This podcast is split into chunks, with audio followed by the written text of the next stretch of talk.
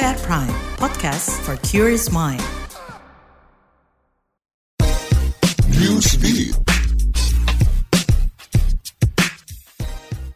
Malaysia akan menutup sejumlah sekolah untuk mencegah dampak dari polusi udara. Departemen Lingkungan Hidup Malaysia menyebut kebakaran hutan dan lahan di Indonesia menjadi penyebab utama polusi di negara itu. Badan Meteorologi Malaysia mengeklaim ada sekitar 250 titik panas yang mengindikasikan kebakaran di Sumatera dan Kalimantan. Ini menyebabkan polusi di Malaysia. Sebagai langkah antisipasi, Malaysia akan mencoba menurunkan hujan buatan dan menaburkan awan.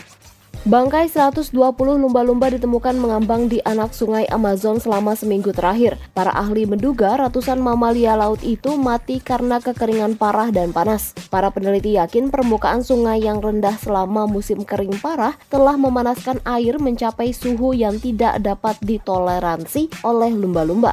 Lumba-lumba sungai Amazon Sebagian besar berwarna merah jambu mencolok. Mereka adalah spesies air tawar unik yang hanya ditemukan di sungai-sungai Amerika Selatan dan merupakan salah satu yang tersisa di dunia. Pesepak bola asal Argentina Lionel Messi berhasil menasbihkan diri sebagai pemain dengan raihan trofi Ballon d'Or terbanyak.